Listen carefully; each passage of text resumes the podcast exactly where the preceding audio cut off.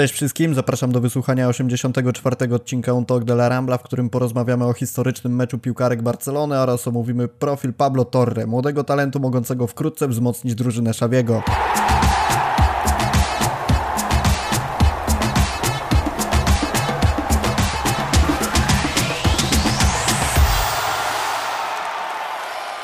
Dzisiaj przed nami dwa niszowe tematy, futbol żeński i futbol młodzieżowy.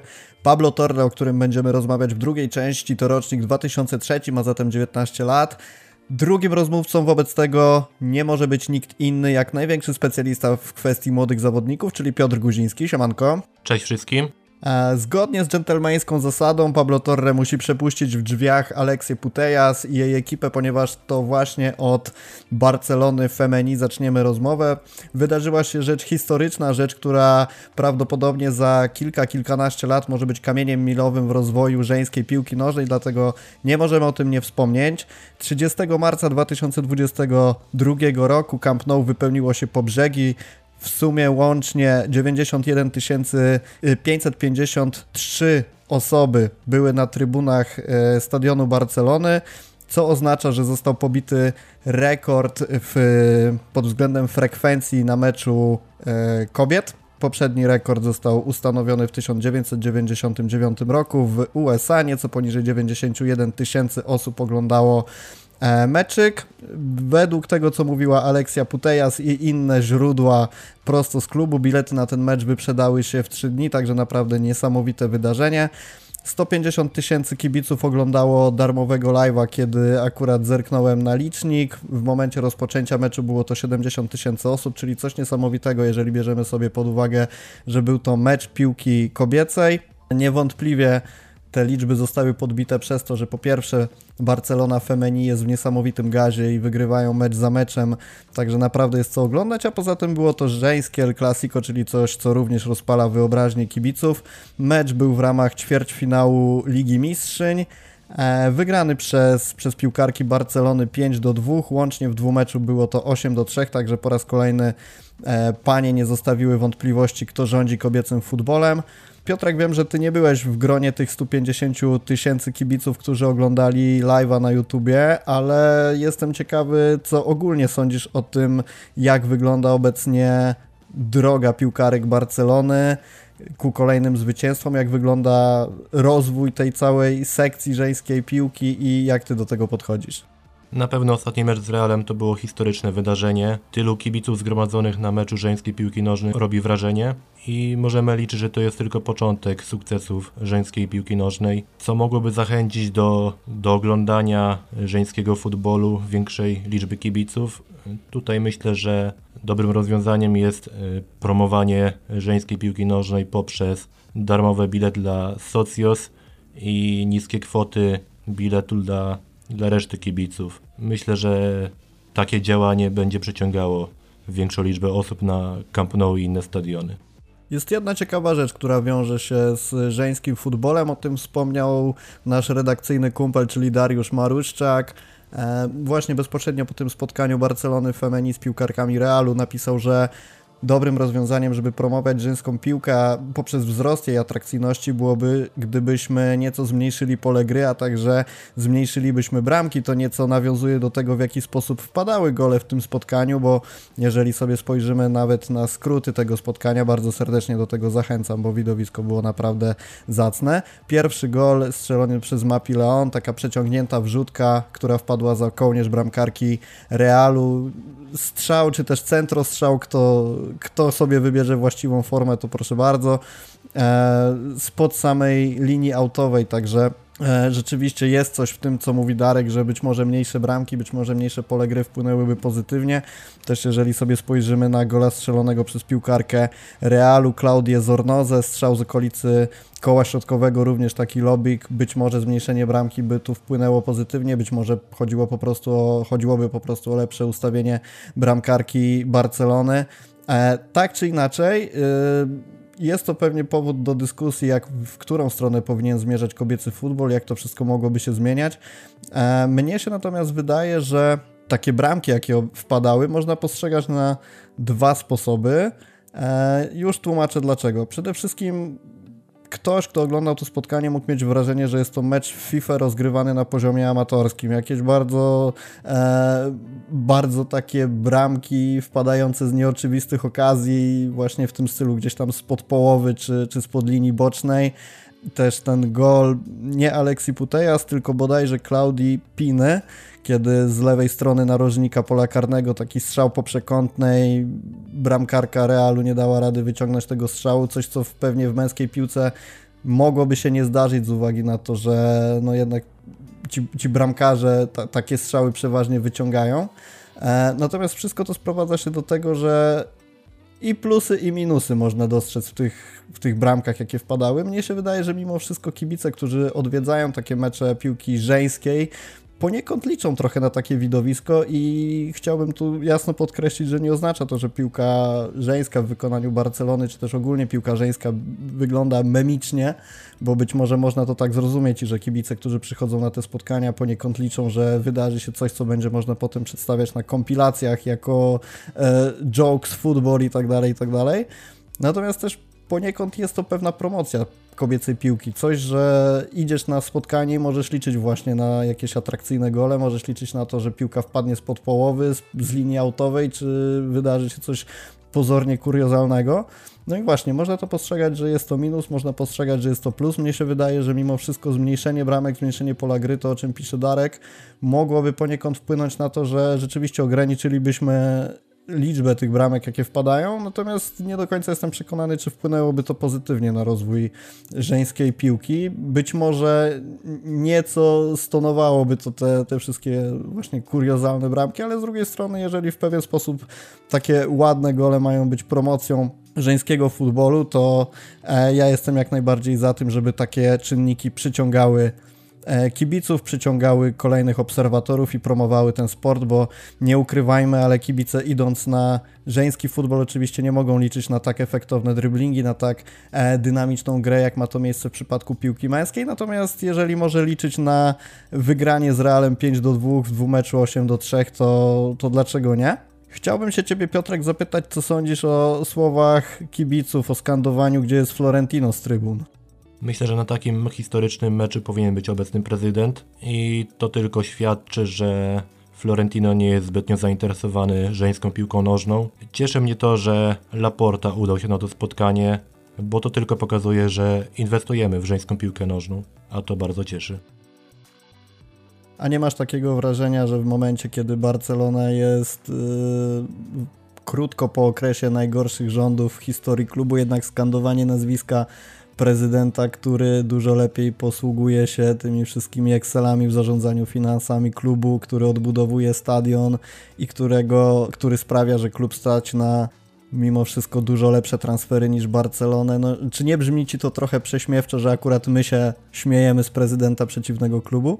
Myślę, że to jest bardziej śmianie się z konkretnego wydarzenia, z samego tego, że Florentino nie udał się na to spotkanie. Oczywiście wyśmiewanie Florentino, biorąc pod uwagę ogólny wzgląd na jego zarządzanie Realem, jest nieco prześmiewcze, ale samo to, że nie udał się na to spotkanie, jest trochę martwiące i świadczące o tym, że Real aż tak nie inwestuje w żeński futbol.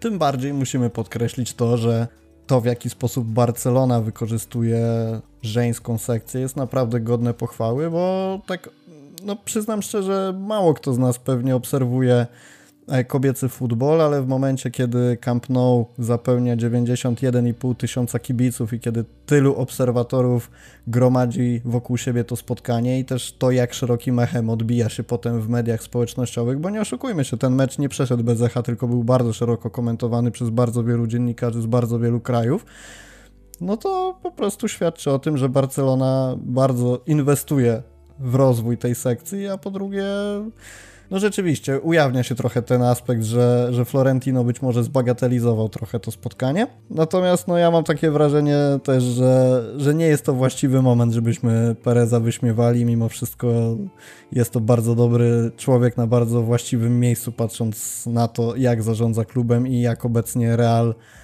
wygląda w stosunku do Barcelony, ale mam nadzieję, że kibice również nie mieli na myśli patrzenia na całokształt, tylko spojrzenia na wąski wycinek, jakim było to spotkanie. 23 kwietnia i 30 kwietnia piłkarki Barcelony rozegrają spotkania w ramach półfinałów Ligi Mistrzyń. Pierwszy mecz domowy, drugi wyjazdowy. Mecze przeciwko piłkarkom z Wolfsburga i zwyciężczynie zagrają w wielkim finale z jedną z drużyn z pary Olympique PSG, czyli szykuje nam się na pewno jedna francuska drużyna w finale. E, myślę, że każdy inny wynik w tym przypadku Piotrek niż awans piłkarek Barcelony byłby rozczarowaniem. Myślę, że tak. Ja jeszcze od siebie dodam, wiem, że może wsadzę trochę kij w mrowisko tym, co powiem, ale szczerze mówiąc, no był to pierwszy mecz piłki kobiecej, który obejrzałem od początku do końca, od pierwszej do 90 minuty i tak jak często mamy wrażenie, słysząc o kobiecej piłce, że jest to piłka z memów i, i, że jest to w ogóle bardzo, bardzo daleko od jakiejkolwiek poważnej piłki, a co tu dopiero mówić o, o przyjemnej dla oka, to e, szczerze mówiąc gorąco polecam obejrzeć sobie mecze Barcelony Femeni. Ja też zacznę je śledzić na pewno z większą częstotliwością, bo tak patrząc nawet pod kątem techniki, jakie jaką, jaką prezentują zawodniczki, tego co potrafią zrobić na boisku, to zdecydowanie nie wygląda to jak piłka nożna z memów. Oczywiście ta piłka jest mniej dynamiczna, pewnie te driblingi są mniej e, widowiskowe, jak ma to miejsce w przypadku piłki męskiej, natomiast e, rzeczywiście bardzo przyjemnie się to ogląda i jeżeli ktoś potrafi być fanem polskiej ekstraklasy, a z drugiej strony mówi, że e, piłka kobieca w wykonaniu Barcelony Femeni nie jest atrakcyjna, to ja tu widzę pewien dysonans i i naprawdę warto sobie na te e, mecze kobiet rzucić okiem. Tym bardziej, że dokonują historycznych rzeczy. My w podcastach na pewno też będziemy w miarę możliwości te tematy poruszać, bo warto i fajnie być po prostu częścią i obserwować rozwój kobiecej piłki, który dzieje się na naszych oczach. Być może za kilka, ja mam taką nadzieję, za kilka lat będziemy wspominać to bardzo, być może nawet z łezką wokół, że byliśmy świadkami początków czegoś wielkiego. Pablo Torre, przechodzimy do głównego tematu dzisiejszej rozmowy. Zawodnik, którego ty, Piotrek, na pewno obserwujesz już od dłuższego czasu. No właśnie, od kiedy w ogóle obserwujesz Pablo Torre? Bo na stronie fcbarsa.com, którą wam serdecznie oczywiście polecamy, pierwsza wzmianka o nim pojawiła się 1 marca e, z takim bardzo ładnym i brzmiącym nagłówkiem, że Barcelona i Real o niego powalczą. 4 marca pojawiło się oficjalne potwierdzenie. E, kiedy tobie Pablo Torre rzucił się w oczy i jak zareagowałeś na informację o tym, że może przejść do Barcelony? Po raz pierwszy o Pablo Torre usłyszałem w poprzednim sezonie, kiedy to jako młody chłopak wchodził do pierwszego zespołu Racingu Santander. Nie oglądałem go jeszcze wtedy w grze, ale słyszałem, że wielu o nim mówi w dobrych słowach. Jego pierwszy sezon na profesjonalnym poziomie także był dobry. Skończył tamtą kampanię z czterema golami pięcioma asystami przy 1400 rozegranych minutach, ale po raz pierwszy w grze widziałem go w tym sezonie, gdzie jego talent tak naprawdę eksplodował i od samego początku tego sezonu Pablo prezentuje naprawdę znakomitą formę. Zacząłem wtedy oglądać jego mecze i gdy pojawiły się pierwsze pogłoski o jego transferze, bardzo się ucieszyłem, bo to jest chłopak, w jakiego warto inwestować. Jestem zdania, że stawianie na młodych Hiszpanów jest bardzo dobrym rozwiązaniem i sama jakość tych zawodników y, w porównaniu do ceny jest bardzo korzystna. Także mnie ten transfer bardzo ucieszył. A jeżeli mówimy o cenie, to warto wspomnieć, że przeszedł do Barcelony za 5 milionów euro i w kontrakcie są zawarte jeszcze zmienne, które mogą wynieść 20 milionów euro w zależności od czynników, bardzo różnych. E, klauzula odejścia wynosi 100 milionów, także widzimy, że klub na wszelki wypadek zabezpiecza się przed ewentualnym transferem gdzieś dalej, natomiast oczywiście wiemy, że te klauzule są e, po pierwsze, ja mam zawsze wrażenie trochę umowne, bo jak ktoś chce odejść, to prędzej czy później, bez względu na te klauzule, może się to stać, a poza tym, no też oczywiście zachowując wszelkie proporcje talentu, doświadczenia i, i przeszłości z Barceloną, ale Neymar też miał klauzulę, jakoś nas to przed niczym nie obroniło, chociaż trudno mi wierzyć w to, że ktoś po sezonie dwóch czy trzech zapłaciłby za Torre 100 milionów. Ale zostawmy to na razie, bo to, do tego jeszcze bardzo dużo czasu i też trzymamy kciuki, że jeżeli w Barcelonie odpali, to nikt go nie będzie chciał nam podkupić, a na pewno, że nikomu się to nie uda. Zbieraliśmy sobie na Twitterze pytania, bardzo duże zainteresowanie pod Twoim postem, Piotrek, głównie tego, jak Torre sprawdzi się w Barcelonie, ale zanim przejdziemy sobie do samej Barcelony, no to musimy porozmawiać, jak się sprawdza w Racingu. Skupmy się teraz na tym, czyli jak według Ciebie wygląda profil tego zawodnika właśnie w Racingu, w reprezentacjach młodzieżowych e, Hiszpanii i no przede wszystkim na jakiej pozycji gra, bo to też jest dla nas bardzo istotne i to nam ustawi dalszą rozmowę w kontekście przejścia do Barcelony. W Racingu Torre gra głównie jako ofensywny pomocnik, jako typowa dziesiątka, gdzie gdzie gra w ustawieniu 4-2-3-1 i ma wolną rolę, cofa się głębiej do rozegrania, wchodzi regularnie w pole karne, schodzi do skrzydła i ogólnie ta rola przypomina mi bardzo y, rolę, jaką miał Pedri w Las Palmas, który też grał w ustawieniu 4-2-3-1 jako ta typowa dziesiątka. W Racingu y, gra właśnie y, jako ofensywny pomocnik, jako ten pomocnik, który który jest najbardziej wysunięty i odpowiada za rozegranie, przychodzi przez niego większość akcji, dominuje w środku pola. A tu podpytam, podpytam Cię o jedną rzecz, która jest często wymieniana w Barcelonie pod kątem e, właśnie transferów i tego, od czego kibice coraz bardziej chcą uciekać. I ja również, to znaczy uniwersalność. Jest to piłkarz, który raczej będzie przypisany do tej dziesiątki i lewego skrzydła, czy raczej spodziewasz się, że może być jeszcze rzucany na przykład, nie wiem, prawa pomoc, prawe wahadło, środkowy napastnik, klasyczna dziewiątka, fałszywa dziewiątka? Jeżeli chodzi o grę w Barcelonie, to myślę, że Xavi mógłby go wystawiać jako fałszywego pomocnika, co widzieliśmy już chociażby w przypadku Gaviego. Torre w Racingu bardzo często schodzi do skrzydła i moim zdaniem ma, ma w sobie dużo z typowego skrzydłowego, ze względu na bardzo dobry dribbling, dynamikę, przyspieszenie na pierwszych metrach i to bardzo imponuje. W Barcelonie śmiało mógłby te, też występować w linii pomocy i to bliżej lewej strony, a także prawej. Śmiało poradzić sobie także głębiej ze względu na inteligencję, umiejętność ustawiania się i czytania gry. Także to na pewno nie jest zawodnik przypisany tylko do jednej pozycji.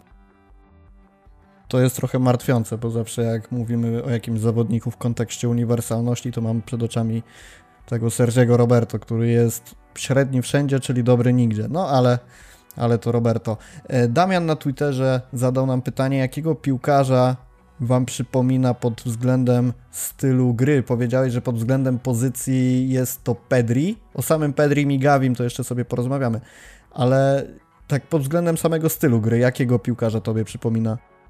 Mi osobiście Pablo przypomina swoim stylem gry Isco z czasów Malagi. Moim zdaniem ma w sobie też coś z Phila Fodena z Manchester City. A jeśli chodzi o znakomite stałe fragmenty gry, to w tym aspekcie przypomina mi Eriksena.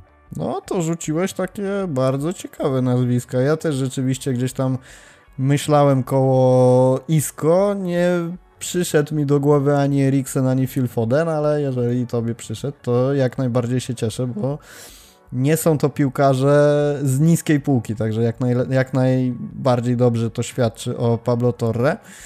Powiedziałeś, jakie są jego mocne strony. Dribbling na pewno musimy tutaj wymienić i to niewątpliwie, bo nawet jeżeli ktoś nie śledzi tego piłkarza regularnie, no to, to jest coś, co po prostu rzuca się w oczy w każdym spotkaniu, jakie, jakie on rozgrywa. Rzeczywiście to przyspieszenie na pierwszych metrach też ma znakomite. E, ale wspomniałeś też o wykonywaniu stałych fragmentów gry i to jest bardzo ciekawe. Uważasz, że to jest jedna z rzeczy, którą będzie się wyróżniał czy to w dalszym sezonie w Racingu, czy po przyjściu do Barcelony? Te fragmenty gry u Torre to jedna z najbardziej imponujących rzeczy. Od momentu, w którym śledzę jego mecze, myślę, że mogę na palcach jednej ręki policzyć złe albo przyciągnięte do środkowania. I ta umiejętność dogrywania piłek z rzutów rożnych czy rzutów wolnych u Torre jest naprawdę niesamowita. Ogólnie w Racingu yy, zanotował 14 asyst. 6 to są kończące podania z otwartej gry, 5 z rzutów wolnych, 5 z rzutów rożnych, a 3 to do grania z rzutów wolnych. Myślę, że sam Xavi też to widzi i z tego względu też chciał takiego zawodnika, który te stałe fragmenty będzie potrafił wykorzystywać. Warto przypomnieć, że w Barcelonie aktualnie nie ma takiego zawodnika, który świetnie radziłby sobie w tym aspekcie. Dobrze wiemy, że nie ma jednego zawodnika przypisanego do wykonywania stałych fragmentów gry. Jest Jordi Alba, jest Dani Alves, który wykonuje te stałe fragmenty gry, ale te dośrodkowania są posyłane z różną dokładnością. Pamiętam, że były duże nadzieje pokładane w Memphisie, jak przyszedł do Barcelony, że będzie dobrze wykonywał stałe fragmenty gry i też jego... To był chyba debiut w ogóle w La Lidze, jeżeli się nie mylę, z Realem Sociedad, jak wrzucił z rzutu wolnego do Pique. Pique zdobył wówczas gola. Mogę się mylić co do tego debiutu, ale na 100% jestem przekonany, że, że taka bramka padła w pierwszych kolejkach. I pamiętam też, że Błażej wtedy wspominał o tym dośrodkowaniu, że takie właśnie nietypowe jak dla Barcelony, bo zwykle te wrzutki przede wszystkim wykonywane z rzutów wolnych przez Messiego to były takie baloniki, a Memphis wrzucił taką mocną piłę w pole karne prosto na głowę Pique i to dawało nadzieję, że rzeczywiście będziemy mieć człowieka od wykonywania tych wolniaków, a no historia Memphisa toczy się jak się toczy, nie on jest gwiazdą dzisiejszego nagrania, więc zostawmy go sobie na bok. Skoro jesteśmy przy mocnych stronach, to warto przytoczyć pytania, jakie na Twitterze zadał Prince. W ogóle dziękujemy bardzo wszystkim za pytania i za taką aktywność pod postem. Zachęcamy, żeby w ramach e, kolejnych podcastów również one się pojawiały, bo zawsze to miło posłuchać, czego wy chcecie posłuchać. E, czy mamy do czynienia z piłkarzem widowiskowym, czy jest to typ showmana, czy raczej pracowitego skromnisia? Jak uważasz? Moim zdaniem Torre ma w sobie więcej z takiego showmana, ale też nie przesadzajmy z tym porównaniem. Ale faktem jest to, że kibice Racingu go uwielbiają, skandują jego imię, klaszczą, dają owacje, gdy, gdy Torre schodzi z boiska. Z ostatniego spotkania też przychodzi mi do głowy taka scena, gdy, gdy jakiś kibic rzucił kapelusz yy, przy przycieszając Torre, a Pablo założył go na głowę i celebrował razem z kibicami, a po meczu robił sobie zdjęcia z nimi. Także już w młodym wieku jest prawdziwą gwiazdą zespołu i to jest na pewno zawodnik spektakularny w wielu momentach. Potrafi minąć zawodnika sombrero, yy, lubi wchodzić w driblingi, imponuje swoją techniką, świetnie radzi sobie na małej przestrzeni, także to jest piłkarz, którego naprawdę chce się oglądać. Mnie by zależało przy tym pytaniu, żeby tak bardzo wyraźnie rozgraniczyć sobie, kim jest showman, a kim jest człowiek, który potrafi wykorzystywać dribbling, bo e, no takim, jeżeli mówimy o dribblingu, no to na myśl przychodzi nam gdzieś oczywiście pewnie Neymar i dużo zarzutów w stronę Neymara było takich, pewnie również się teraz pojawiają, trochę mniej śledzę te, te wszystkie doniesienia odnośnie do jego osoby, Natomiast ja uważam, że Neymar w, ty, w, tych swoich driblingach był postacią, jest postacią potrafiącą nie tylko robić show, ale przede wszystkim te driblingi przekładają się na zdobywanie kolejnych metrów, na mijanie rywali. I to jest coś, co naprawdę mega ceni się obecnie w zawodnikach, że nie tylko chodzi o to, żeby przyjąć sobie piłkę, nie wiem, raboną z fikołkiem i backflipem w przód, ale żeby jeszcze dołożyć do tego właśnie zdobywanie kolejnych metrów. I teraz to jest, to jest Neymar, a z drugiej strony często słusznie bądź niesłusznie, natomiast przykład jakby warto przytoczyć, pojawiały się zarzuty na przykład w stronę Cristiano Ronaldo w jakichś tam słabszych spotkaniach, jakie rozgrywał, że robi te przekładanki, robi, robi, robi i koniec końców jest w tym samym miejscu, w którym był i na nic się to zdało. I masz wrażenie, że Pablo Torre jest bliżej właśnie takiego Neymara, który wykorzystuje dribbling do zdobywania metrów, czy raczej jest takim Cristiano ze słabszych meczów, który gra widowiskowo, ale na nic się to nie przekłada? Oczywiście porównanie do Neymara byłoby przesadzone, jeśli chodzi o styl gry, bo Torre nie dysponuje aż takim dribblingiem, ale faktem jest to, że nie robi tych dribblingów dla samego widowiska, tylko po to, żeby zyskać teren, zyskać przewagę w środku pola czy też na skrzydle. Nie są to driblingi nieprzemyślane, nie zwalniają gry i więcej jest w nich efektywności niż y, efektowności czasami. Mm, pytanie o tego pracowitego skromnisia przywołało mi też w głowie pytanie, które już Ci kiedyś zadałem, bodajże odnośnie, e, odnośnie do Gawiego, czyli jak możemy e, postrzegać Pablo Torre e, pod względem e, chęci pozostania ewentualnego w Barcelonie. Mam na myśli, mówiąc prost, czy może się powtórzyć sytuacja z Elishem Moribą, że gdzieś tam mu mimo wszystko te pieniądze przysłonią rozwój w Barsie i zdecyduje się na odejście kosztem lepszych warunków finansowych? Oczywiście mówimy o młodym zawodniku i to wszystko jeszcze może się zmienić. Ja odnoszę wrażenie, że Pablo to jest bardzo skromny chłopak, który, jak sam powiedział, że skupia się w tej chwili na racingu i twardo stąpa po ziemi, by wywalczyć z drużyną awans do drugiej ligi i myślę, że tutaj sytuacja z Ilaszem Moribą się nie powtórzy. I trzymamy za to kciuki. Pozostając przy jego, no właśnie, mocnych stronach czy słabych stronach, jak postrzegasz wykańczanie przez niego sytuacji? Bo rzeczywiście wejście w pole karne ma, ale czy są to wejścia i gole okazjonalne, czy możemy liczyć na jakąś regularną skuteczność z jego strony?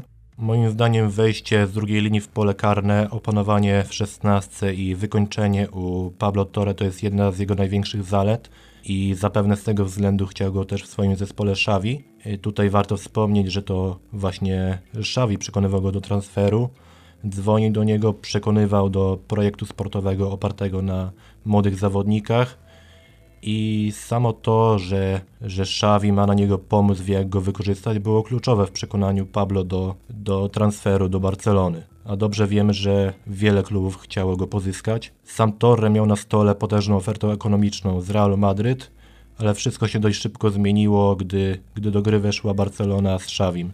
Pomiędzy pierwszymi plotkami a oficjalnym potwierdzeniem transferu minęło bodajże dwa, góra trzy dni, także to też jest imponujące a samo wejście z drugiej linii, yy, wyszukiwanie tych wolnych stref, odpowiedni timing przy wchodzeniu w szesnastkę, to jest coś, co na pewno u niego bardzo imponuje i świadczy już o dobrym wykończeniu. Torre to też jest moim zdaniem bardzo bezpośredni piłkarz i Pedri w Las Palmas był zawodnikiem niesamowicie kompletnym, który imponował tym, że pracował na całej długości boiska, zasuwał od pierwszej do ostatniej minuty, ale jedyną rzeczą, jaką mogłem się przyczepić wtedy do Pedriego, było to, że nie potrafił wykańczać akcji, strasznie przeciągał je i strzelał mało bramek. W przypadku Tore jest kompletnie odwrotnie i to jest chłopak, który potrafi wykańczać akcje i regularnie zdobywać gole. Łącznie w pierwszej drużynie strzelił już 11 bramek, 4 to trafienia prawą nogą, jedna lewą nogą, Trzy trafienia zanotował głową, co jest dość imponujące, biorąc pod uwagę jego wzrost, 1,73 m, a dodatkowo dwa trafienia zanotował bezpośrednio z rzutu wolnego. Tu wydawać by się mogło, że pozyskujemy piłkarza kompletnego, ale na pewno jakieś słabe strony ma. Co według Ciebie wpływa na minus, jeżeli chodzi o Pablo Torre? Przede wszystkim jeszcze gra w defensywie. O ile to jest piłkarz, który potrafi pracować w pressingu, notuje odbiory i przechwyty, to w tym sezonie e, w przeliczeniu na 90 minut notuje średnio 15 pojedynków, ale wygrywa jedynie 39% z nich. Także to jest wciąż mały odsetek. Drugą wadą są pojedynki powietrzne, z których e, wygrywa jedynie 15%. Oczywiście zadaniem pomocnika nie jest wygrywanie pojedynków powietrznych, ale ten odsetek powinien być na znacznie lepszym poziomie. I trzecią taką kwestią jest według mnie siła, warunki fizyczne i wydolność. Ostatnio pojawiły się doniesienia bodajże sportu, który twierdził, że Barcelona chce, by Torre przybył na prezesjon w jak najlepszej formie fizycznej i opracowała dla niego specjalny plan, który ma poprawić tę siłę i warunki fizyczne. Także takie perspektywiczne myślenie na pewno cieszy, ale przed Torre jeszcze sporo pracy. On w tym, w tym sezonie rozegrał 26 meczów w lidze, i ani jednego nie rozegrał w pełnym wymiarze czasowym. Przeważnie schodzi koło 75-85 minuty, kiedy widać, że tempo i ta intensywność u niego spada. Właśnie to jest jedna rzecz, o którą chciałem Cię podpytać, ale wyprzedziłeś moje pytanie, dlaczego żadnego meczu nie rozegrał od początku do końca. Ale to rzeczywiście wynika z tego, że on jeszcze nie jest gotowy fizycznie, a nie z tego, że jest za mało doświadczony, żeby rozgrywać pełne spotkania? Myślę, że doświadczenie już w tak młodym wieku ma solidne i myślę, że jeszcze te warunki fizyczne i siła są, są do poprawy. Samo to, że przegrywa wiele bezpośrednich starć w, w defensywie też świadczy o braku warunków fizycznych. No okej, okay, to przejdźmy sobie w takim razie do najważniejszej części naszego podcastu, czyli tego, jaką rolę w drużynie Szawiego miałby pełnić. Tutaj pojawiło się sporo pytań, ja pozwolę je sobie wszystkie zacytować, bo e, są na tyle zbliżone, że odpowiemy na nie hurtowo w dalszej części, a nie chciałbym, żeby ktokolwiek czuł się ominięty. Oczywiście pytania w dalszym ciągu z Twittera. Piotr Wołejko, czy można oczekiwać na to, że już w przyszłym sezonie dostanie sporo minut, oczywiście w ramach rotacji zmian, nie w pierwszej jedenastce, Józek Guardiola pyta, gdzie go widzimy na boisku, mając na uwadze tłok w środku pola. Kto prędzej nada się na skrzydło Pablo Torre czy Gavi? Młody pyton przede wszystkim, jak można byłoby pogodzić na boisku jego, Gaviego, Pedriego i Frankiego. Robi się strasznie ciasno w środku pola. Natomiast Arkadiusz Krupa również w podobnym tonie. Czy widzicie możliwość ustawienia z Gavim i Pablo Torre na skrzydłach? Z kolei Piotr Wołejko, gdzie można odnaleźć się, gdzie może odnaleźć się w systemie Szawiego? Czyli myślę, że najważniejsza rzecz, jaką rolę w ogóle będzie pełnić u Szawiego, bo wiemy, że jeżeli się mylę, to mnie popraw, ale on w ogóle przyszły sezon miałby docelowo rozpoczynać w Barcelonie B, prawda? Czyli jeszcze nie u Szawiego. Yy, tak, teoretycznie Pablo ma być zarejestrowany jako zawodnik Barcy B, ale wiemy, że taka sama sytuacja miała miejsce w przypadku Pedriego, który miał startować od rezerw i ostatecznie tak imponował w presezonie, że przekonał do siebie trenera i, i dość szybko został kluczowym zawodnikiem pierwszego zespołu. I myślę, że w przypadku Tore może być podobnie. Stawiam, że w rezerwach nie, nie pogra zbyt dużo, o ile w ogóle pogra i myślę, że w kolejnym sezonie uzbiera już sporo minut w pierwszym zespole. Samo to, że Xavi go chciał i, i ma na niego plan, może świadczyć, że chce na niego stawiać i wie, jak wykorzystać jego zalety i styl gry. Okej, okay, w takim razie nawiązując do pytań e, Guardioli, Pytona i, i Arkadiusza, gdzie widzimy go na boisku? Środek pola, czy raczej skrzydło i jak to się wiąże z tym tłokiem, o którym wspomina kilka osób, czyli wobec tego, że mamy Pedriego, Gaviego, Frankiego, gdzieś tam jest jeszcze Nico, Busi, Kessi ma przyjść. W środku pola faktycznie jest bardzo duża konkurencja. Jeżeli y, Torre ma dostawać minuty w środkowej linii, to w ramach rotacji i grając ze słabszymi przeciwnikami, ale uważam, że Xavi będzie go próbował wykorzystać jako fałszywego skrzydłowego, który będzie dawał przewagę w środku pola w odpowiednim momencie, y, który będzie umiejętnie współpracował z lewym obrońcą, y, tworząc dla niego wolne przestrzenie i ściągając na siebie zawodników. Dodatkowo jako ten zawodnik, który będzie potrafił wchodzić w pole karne, atakując wolne strefy i pomagać w pressingu. Już taki zabieg widzieliśmy w przypadku Gawiego, który grał na tej pozycji w tym sezonie kilkukrotnie i osobiście uważam, że Pablo może zagrać jako typowy skrzydłowy, bo z tej trójki Pedri Gavi ma w sobie najwięcej ze skrzydłowego ze względu na tą dynamikę, o której wspominałem, przyspieszenie na pierwszych metrach, umiejętność yy, i dar przebitki, dzięki któremu potrafi naprawdę wyjść spod pressingu i celnie dograć lub uderzyć. W takim razie na ile postrzegasz go jako, jako takiego prawdziwego skrzydłowego, a na ile właśnie skrzydłowego grającego na skrzydle ze względu na tłok w środku pola, bo wyjaśnię o co chodzi.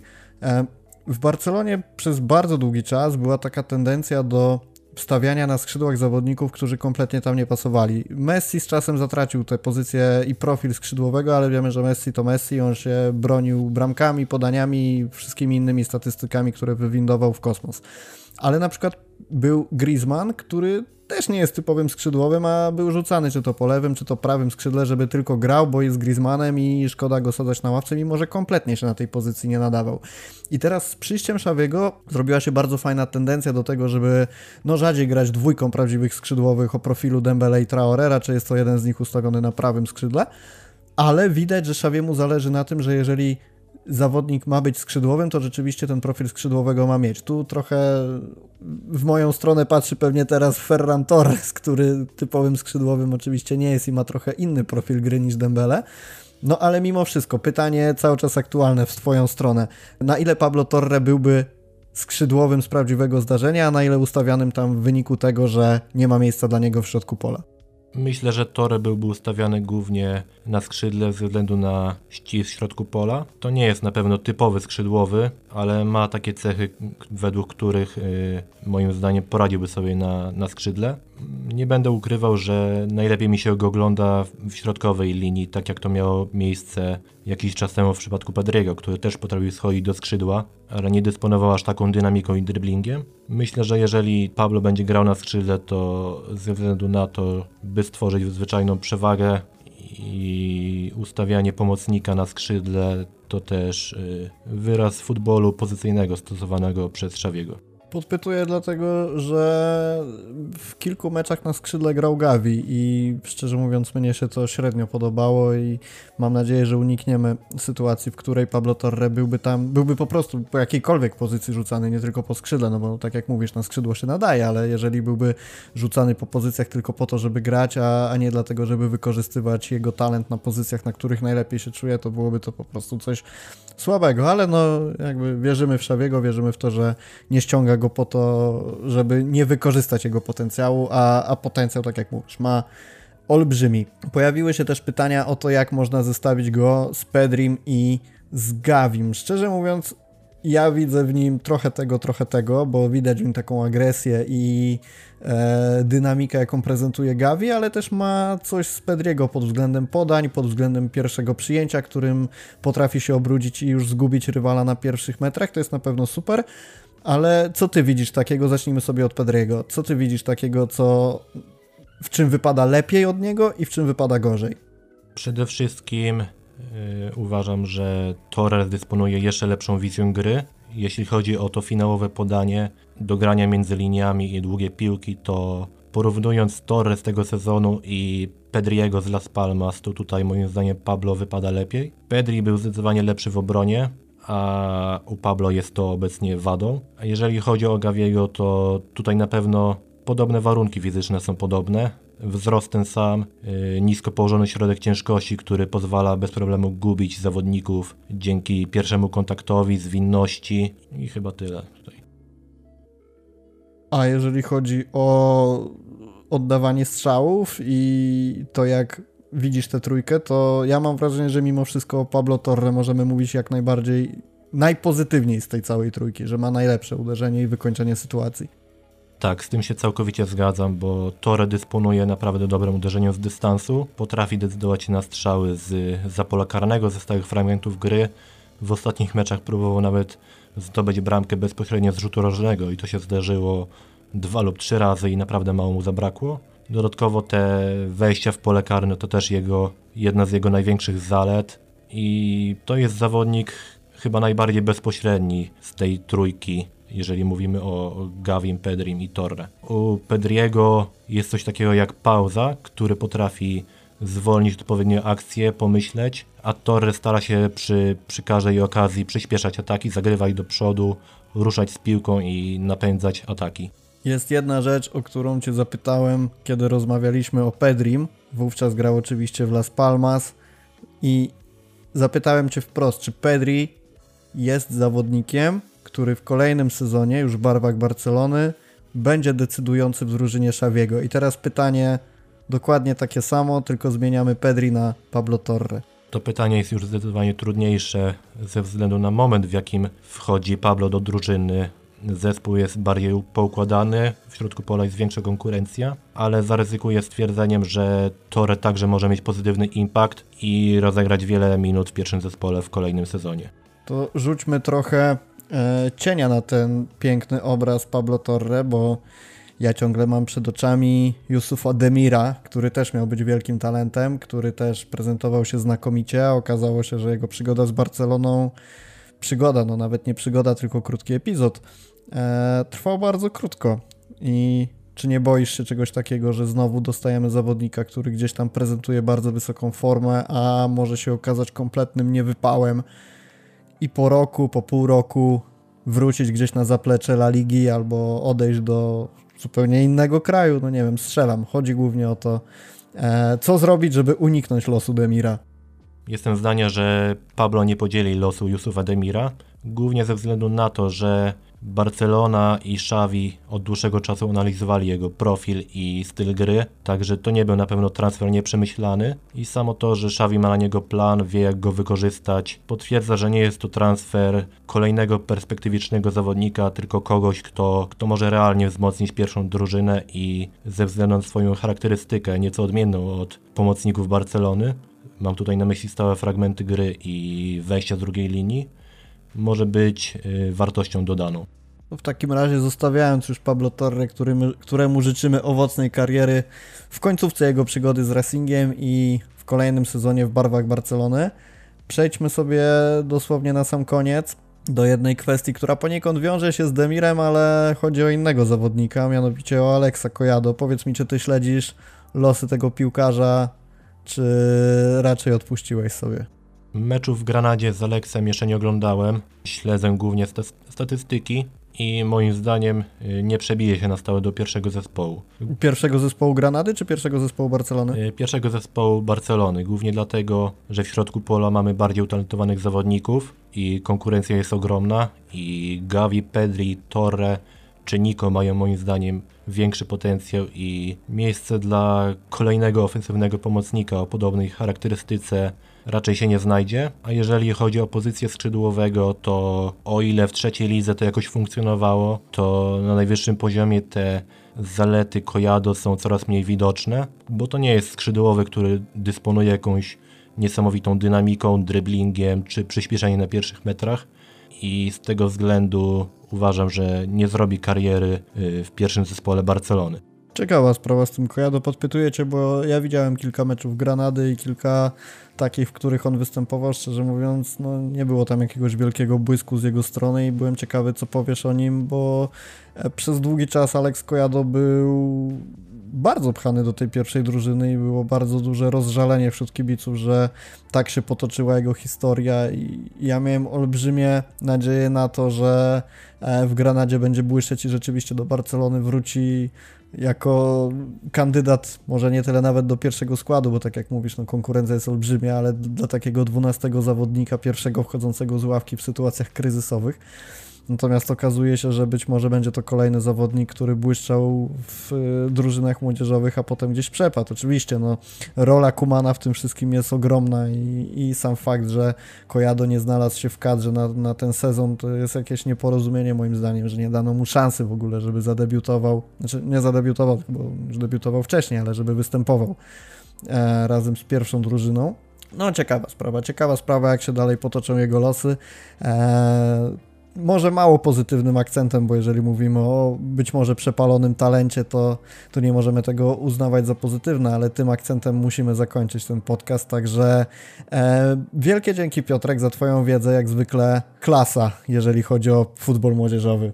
Dzięki wielkie. Ja ze swojej strony zachęcam do tego, żebyście rzucili okiem na Barcelonę Femeni, bo grają koncertowo. Czekamy to na, co, na to, co pokaże Pablo Torre w tym, w następnym sezonie czy będzie kolejnym Pedrim, czy będzie kolejnym Gavim. Oby był jeszcze lepszy od nich, bo to będzie tylko dobrze świadczyć o scoutingu Barcelony i o tym, w jaką stronę rozwija się piłka w Barcelonie. Jeszcze raz serdeczne dzięki za to, że słuchacie naszego podcastu, że dotrwaliście do końca.